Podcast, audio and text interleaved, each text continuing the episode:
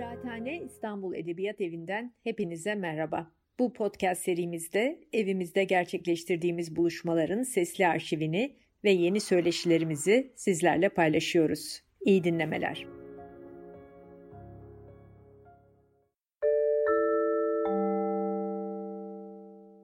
Ee, herkese merhaba. Ee, bir şiir gecesinde yine birlikteyiz. Ee, fakat gördüğünüz gibi e, bugüne kadar yapmış olduğumuz e, şiir buluşmalarından, şiir gecelerinden farklı bir formatta sizlerin karşısındayım. Daha önce bir kıymetli şairimle birlikte oluyordum. Onlara sorular yöneltiyordum ve onlardan karşılıklı şiirler okuyarak şiir gecesini gerçekleştiriyorduk. Bu kez farklı bir formatla karşınızdayım. İki bölüm boyunca sadece karşınızda ben bulunacağım. Ve sizinle paylaşmak istediğim, konuşmak istediğim ana çerçeve poetik ayrılıklar ve şiirsel yakınlıklar adını taşıyor. Bu benim öteden beri önemsediğim ve aynı zamanda bir soru olarak kafamda taşıdığım bir mevzuydu. Temel çıkış noktam da şu. Evet, tek tek her şairimiz çok kıymetli ve onların birbirine karşı konumlanışında bir sorun var gibi geliyor bana. Bu nedir? Onların poetik ayrılıklarını ve bu ayrılıklardan doğan şiir farklarını, şiir farklılıklarını okumaya yanaşmadan evvel daha çok onu tırnak içinde onları ideolojik karşıtlıklarla değerlendirmek ve oradan onları okumak gibi bir tembelliğe, bir kolaycılığa kaçıyormuşuz gibi bir izlenim sahibiyim. Neden bu? Niçin bu algı ya da algının ötesinde bu alışkanlık var? Biraz bunun üzerinde durmak isterim. Ahmet Hamdi Tanpınar 19. asır Türk Edebiyatı tarihinin girişinde pek çok mesele üzerine durur ve küçük paragraflar ve cümle parlayışları içerisinde hem edebiyat tarihimizi hem de ona bağlı olarak zihniyet dünyamızı aydınlatan fişekler ateşler. Bir yerde bu 19. asır Türk Edebiyatı tarihinin bir yerinde bu yeni edebiyatımızın yani Tanzimat'la başlayan yeni edebiyatımızın bir krizden ve bu krize bağlı olarak da bir dualizmden neşet ettiğini, doğduğunu söyler. Dualizmden kastettiği çok açık bir doğu-batı karşıtlığını kastediyor Ahmet Hamdi Tanpınar. Çünkü o güne kadar yani Tanzimat'a gelinceye kadar ki edebiyatımız Doğu kültürü içerisinde, Doğu edebiyatı içerisinde, Arap ve Fars edebiyatının içerisinde kendisine ait bir özgürleşme ve özgünleşme çabası göstermiş bir edebiyatımız.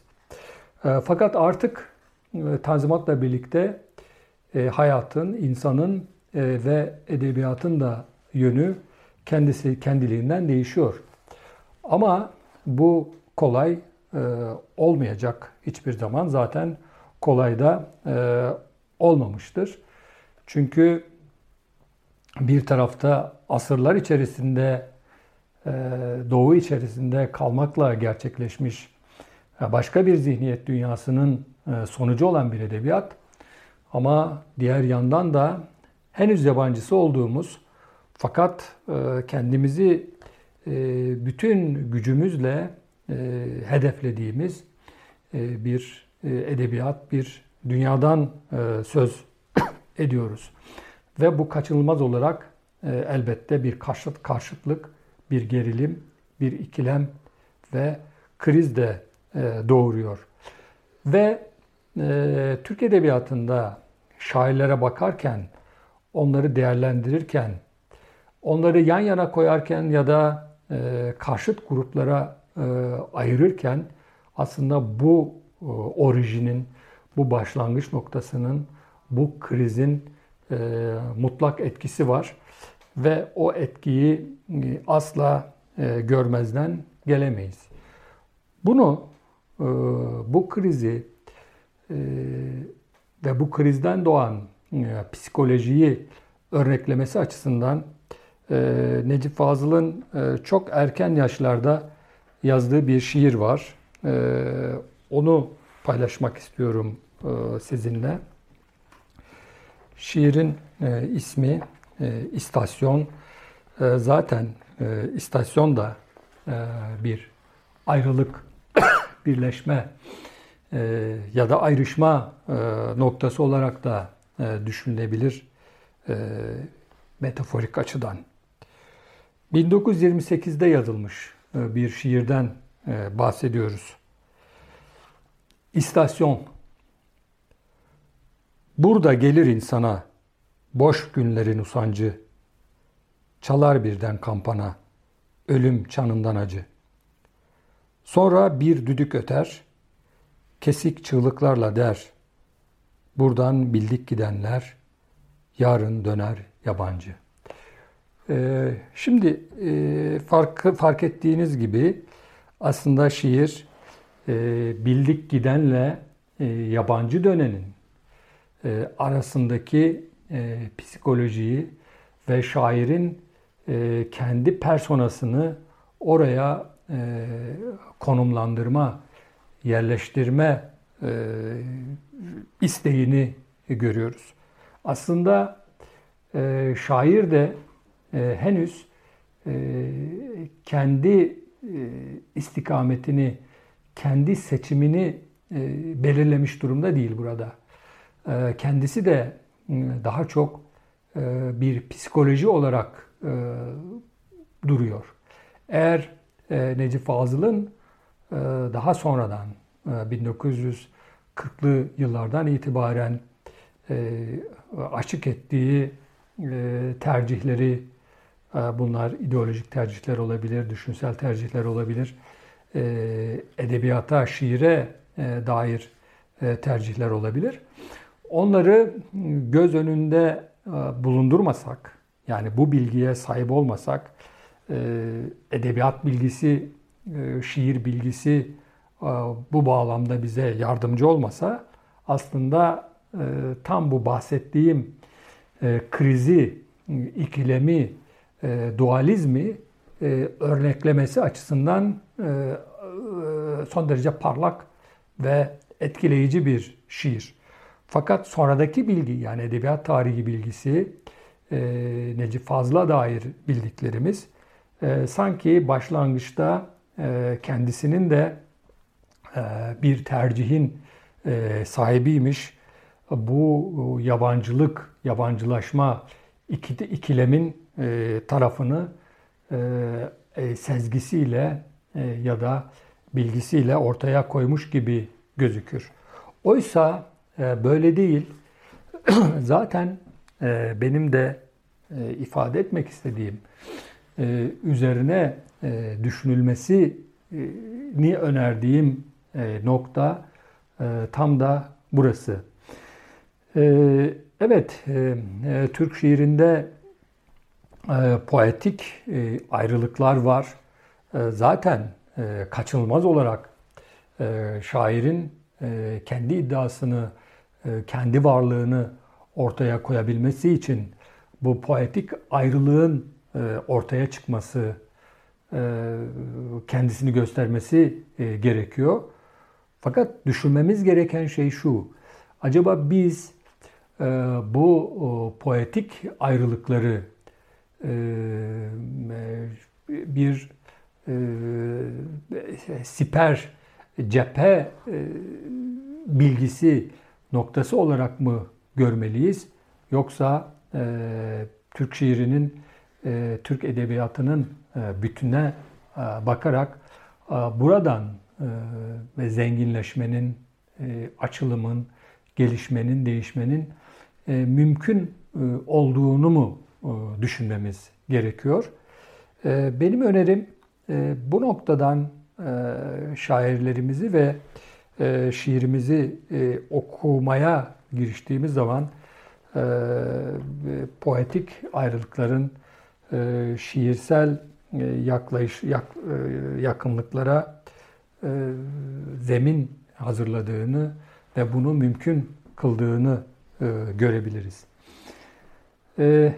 Peki neden acaba bunu bir türlü başaramıyoruz? Türk şiirini okurken, şairlerimize yaklaşırken bu poetik ayrılıkları bir şiirsel yakınlık olarak neden değerlendiremiyoruz? Bunun elbette tek bir sebebi yok. Pek çok sebebi var. İşte eğitim sistemimiz, sosyal alışkanlıklarımız, tembelliklerimiz, düşünsel kısırlıklarımız vesaire vesaire. Ama daha yüksek bir noktadan baktığımız zaman ben burada iki temel problemi görüyorum. Bunlardan bir tanesi bizde bir türlü istediğimiz derecede mesafe kat edemeyen biyografi yazarlığı. Yani sadece edebiyatçılarımız için değil, diğer dallarda da yani sosyal bilimciler için, tarihçilerimiz için, bilim insanları için, politikacılar için de söz konusu bu. Bir türlü biyografi yazmayı başaramıyoruz. Elbette çok başarılı biyografi örneklerimiz var. Ama genelden baktığımız zaman bu konuda eksik olduğumuzu düşünüyorum. Peki bunun biyografi yazarlığının ve biyografi yazarlığında başarısız olmanın konumuzla ilgisi ne? Şu, bana göre biyografi yazarlığı her şeyden önce bir yöntem araştırmasıdır. Ve bu yöntem araştırmasını yapan kişi söz konusu olan şair ve yazarsa onu bütün açılarıyla ele alır. Ve bu bütün açılar içerisinde yani onun çıkmazları, başarıları, fedakarlıkları, zor tarafları, kolay tarafları, zayıf noktaları neyse bir insanı fert yapan, kişilik yapan ve bu kişiliği onun yaratıcı vasfıyla ilişkilendiren bütün taraflar neyse onu ortaya dök, döken ve bunu bir yöntemle gerçekleştiren bir uğraş biyografi yazarlığı. Bu eksik olduğu için de biz şair, şairlerimizi ve onların eserlerini, şiir verimlerini daha geniş bir açıklıkta, daha özgürce ve onları daha tanıyarak okuyamıyoruz. Bunu yapmayınca dışarıdan gelen, bize empoze edilen alışkanlıklarla o şairi, onların şiirlerini okumaya çalışıyoruz ve bir türlü o edebi eserdeki büyük zenginliği, derinliği, açılımları göremiyoruz. Ve sanıyorum belki uzunca süre Türk şiirini okumak isteyenler, şairleri daha geniş bağlamda, daha özgür bağlamda okumak isteyenler bu e, sıkıntıyı çekmeye devam edecekler. E, diğer bir e, nokta da e, e, bizdeki e, eleştiri e, noksanlığı. Bu çok konuşuluyor e, ve konuşulmaya da devam edecek. E, bir türlü eleştiriyi bir yüksek disiplin haline dönüştüremiyoruz. Çünkü eleştiri estetik ve felsefenin bileşiminden oluşan ve edebi eseri ve onun yazarını, şairini yerli yerine oturtma eylemi, çabası. Felsefe ve estetikle birleşmeyen ve edebi eseri ya da şairi bu bağlamda hem kendi içinde hem de dönemi ya da edebiyat tarihi içerisinde konumlandıramadığımız için de bu kez oynaklıklar demin söylediğim gibi dışarıdan gelen etkilere açık hale koyuyoruz. Fakat şunu da kabul etmemiz gerekiyor. Bütün bunlara rağmen hani hep söylenir nitelikli okur, sağduyulu okur, bu türlü rüzgarlara pek kapılmayan sayıca az okur gerçekten şiirimizin bu poetik derinliklerini ve bu derinliklerden gelen ayrılıkların zenginliklerini okumayı sürdürüyorlar. Şunu iddia etmeden açıklıkla söyleyebiliriz. Bugün modern bir edebiyatımız ve modern bir şiirimiz varsa bu sözünü ettiğim poetik ayrılıkların ayrılıklar sebebiyledir. Peki bu poetik ayrılıkların şiirsel yakınlıklarını görebileceğimiz örneklerden söz edebilir miyiz? Elbette. Mesela Servet İfün'ün şiirinin Başat karakteri hatta Halit Ziya ile birlikte en önde duran karakteri Tevfik Fikret'e bakalım. Sizin de bildiğiniz ve takdir edeceğiniz gibi Tevfik Fikret öteden beri ve halen bu bahsettiğim cepheleşmenin, kutuplaştırmaların merkezinde düşünülen ve buradan okunan bir şair. İşte karşısına her zaman Mehmet Akif konulur ve Mehmet Akif ve Tevfik Fikret arasında insanların adeta bir tercihte bulunması beklenir. Peki mesela Tevfik Fikret şiirinde ortaya çıkan e, insani değerler, e, mesela merhamet, e, sağduyu, e, başka şairlerimizde e, ondan e, poetik olarak başka bir e, başka bir yerde duran şairlerimizde yok mudur? Bakalım isterseniz. E, mesela onun e, bil, bilindik şiirlerinden birisi e, Balıkçılar.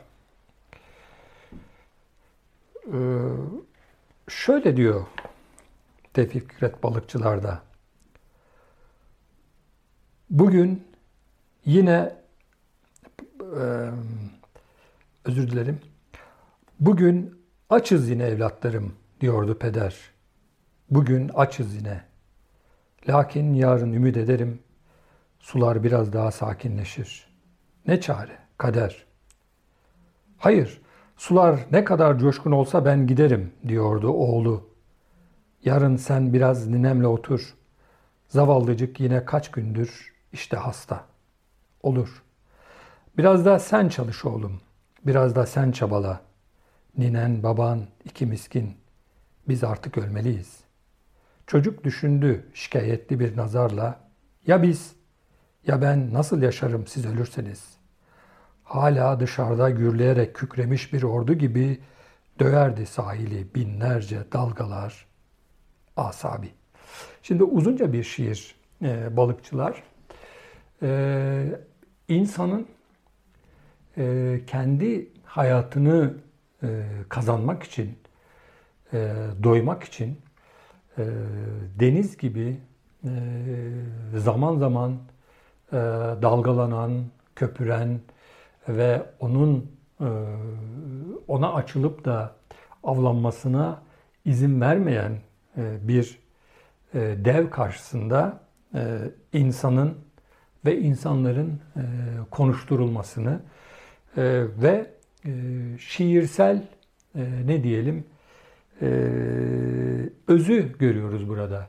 Burada e, Fikret'in e, alttan alta e, telkin e, etmek istediği şey biraz da sen çalış oğlum, biraz da sen çabala, ninen baban iki miskin, biz artık ölmeliyiz. E, mısralarında açığa çıkıyor.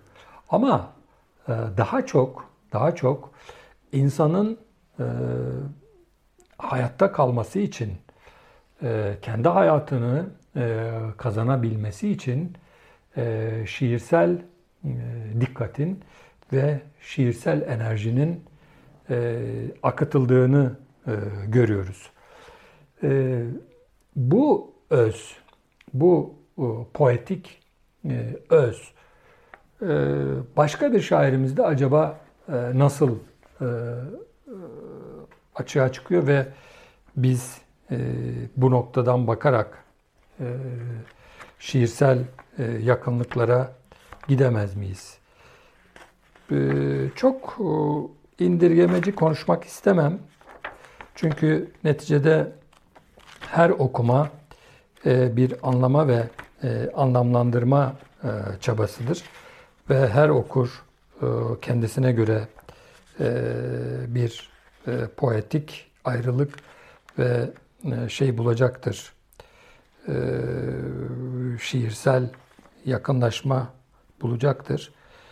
E, Sedai Karakoç'un bir şiirini bulmaya çalışıyorum.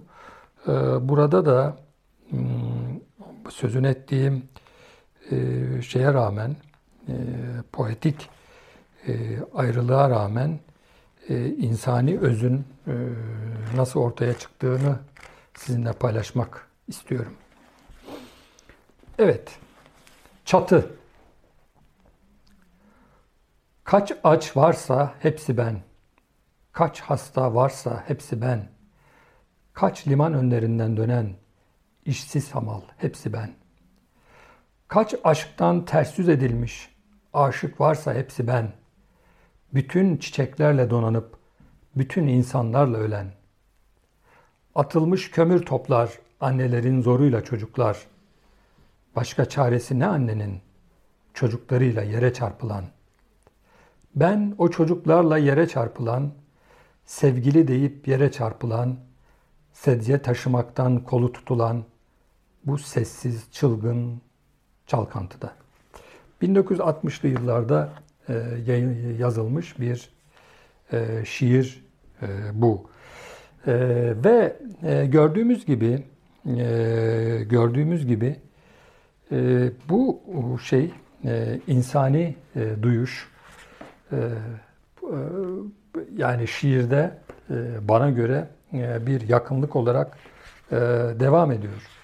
Peki sadece Sezai Karkoç'ta mı e, bulabiliriz bu e, geçişkenliği, bu birleşmeyi? E, elbette hayır. E, bu kez başka bir şairimizden, e, Behçet Necatigil'den e, bu sözün ettiğim şiirsel e, yakınlığı desteklediğini örneklediğini düşündüğüm bir e, şiir okuyacağım. Geçim. Hepsini birden istemek yersiz. Zamanı var. Biz zengin değiliz. Duvara astım liste, eksikleri yaz. Sıra hangisindeyse para olur olmaz. Ayda bizim elimize ne geçer? Şu kadar. Ayır önce kirayı. Günde yemeğimize ne gider? Şu kadar. İyi kullan parayı. Bu aylık bize yeter. Duvardaki liste. Kes üç kuruş ekmekten, beş kuruş etten kes. Sıra hangisindeyse çarşıya gider alırız. Ee, sizin de e, takdir edeceğiniz gibi e, Tevfik Fikret de e, Sezai Karakoç da e, Behçet Necatigil de e, şiire bakışları, e, şiiri algılayışları, e, biçim olarak e, şiiri e, yaz, yazışları da birbirinden e, farklı olan e, şairlerimiz. Ve elbette e, hepsinin şiir görüşü, e, poetikası ayrı ayrı. Ama söylediğim e, e, noktadan, e, gözden, açıdan e, baktığımız zaman e, buradaki e, şairleri e, ayrıştıran e, e tarafların e, birleştiren taraflardan e, daha az olduğunu e, görebiliriz. E, yeter ki e, buna e, niyetlenelim. E, bu gözü çoğaltalım. Burada e, meseleyi e, boyutlandırmak, e, anlaşılır hale e, getirmek için ister istemez biraz e, tematik bir e, seçimde e, bulunuyorum. Elbette bu okuduğum şiirler sadece bu noktadan işte yoksulluğa, e, insanların e, geçim kaygısına, hayatta e, tutunma çabalarına indirgenemez. Başka bir gözle de, başka bir tematik yaklaşımla da okunabilir bu şiirler sizin de bildiğiniz gibi. Başka bir şeye bakalım.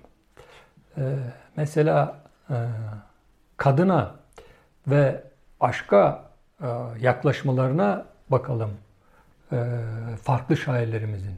Acaba oradaki bu ayrılıklar, ayrışmalar, poetik ayrışmalar şiirimizin bütünlüğünü ve zenginliğini düşündüğümüz zaman önümüze nasıl bir e, tablo koyuyor? Bu kez Nazım Hikmet'ten yola çıkalım ve onun e, çok sevilen e, bir şiirine bakalım. Mavi gözlü dev, minnacık kadın ve hanım elleri. Zaten dev, minnacık kadın, hanım elleri. Şair girişte e, bütün ustalığını, özgünlüğünü, sevgililiğini ortaya koyuyor. O mavi gözlü bir devdi.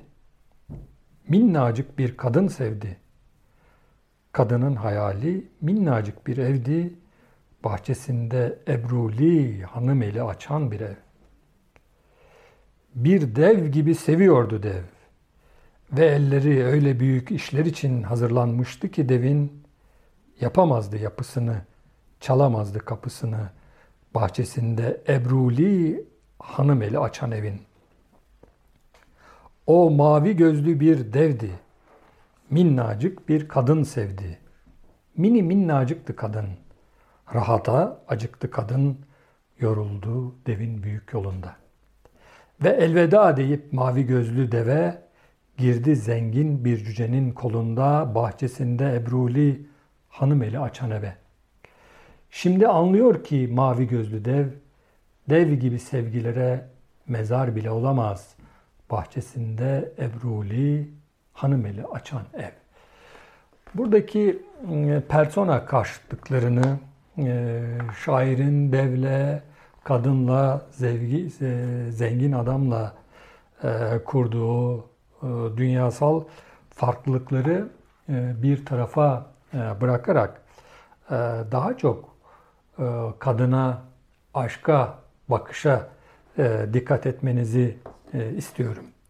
Peki, peki her zaman e, ideolojik e, kavganın ve karşıtlığın e, içerisinde e, olan başlangıçta e, birbirlerine e, yakın oldukları halde e, zaman içinde e, fersah fersah e, birbirinden ayrılan e, Necip Fazıl'ın e, kadına, e, şiire e, bakışı e, nasıl?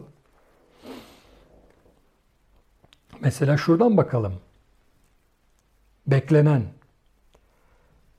Ne hasta bekler sabahı, ne taze ölüyü mezar, ne de şeytan bir günahı, seni beklediğim kadar. Geçti istemem gelmeni, yokluğunda buldum seni. Bırak vehmimde gölgeni, gelme artık niye yarar? Kadın, aşk e, o kadar e, beklenen e, ve e, karşısında fani olunan bir şeydir ki artık e, neredeyse kadın da aşk da ortadan çıkarılmak, kaldırılmak e, istenmektedir bu şiirde. Ve e, yine e, çok erken yaşlarda değil ama 1940'larda yazdığı e, bir şiirine bakalım Necip Fazıl'ın. Dönemeç. Bir gündü. Hava ılık ve cadde kalabalık. Bir kadın sapı verdi önümden dönemece. Yalnız bir endam gördüm arkasından ipince. Ve görmeden sevdiğim işte bu kadın dedim. Çarpıldım, sendeledim. Bir gündü mevsim bayat ve esnemekte hayat. Dönemeçten bir tabut çıktı ve üç beş adam Yalnız bir ahenk sezdim, çerçevede bir endam. Ve tabutta incecik o kadın var anladım. Bir köşede ağladım. Burada da e, poetik bir e, vazgeçişten e, adeta o e, beklenen e, kadından, aşktan e, yavaş yavaş sanki şairin iç dünyasında da kabaran, oluşan, şekilleşen aleme doğru geçişin izleri var. Fakat burada bizim e, dikkat etmemiz gereken e, nokta şu, e, bu farklılıklar, bu farklı algılayışlar sizin de fark ettiğiniz gibi bizim önümüzde hem görsel anlamda hem psikoloji anlamında hem biçimsel anlamda ve bunların e, estetize edilişi bağlamında e, bir e, zenginlik toplamı sunuyor. Ve biz diyoruz ki iyi ki bu poetik ayrılıklar var ve bu poetik ayrılıklardan dolayı biz bu şiirsel zenginliklerle buluşabiliyoruz. Bir başka şairimize bakalım hem e, Necip Fazıl'dan e, hem e, Nazım Hikmet'ten farklı ve Türk şiirinde aşkın, umurun, sevişmenin,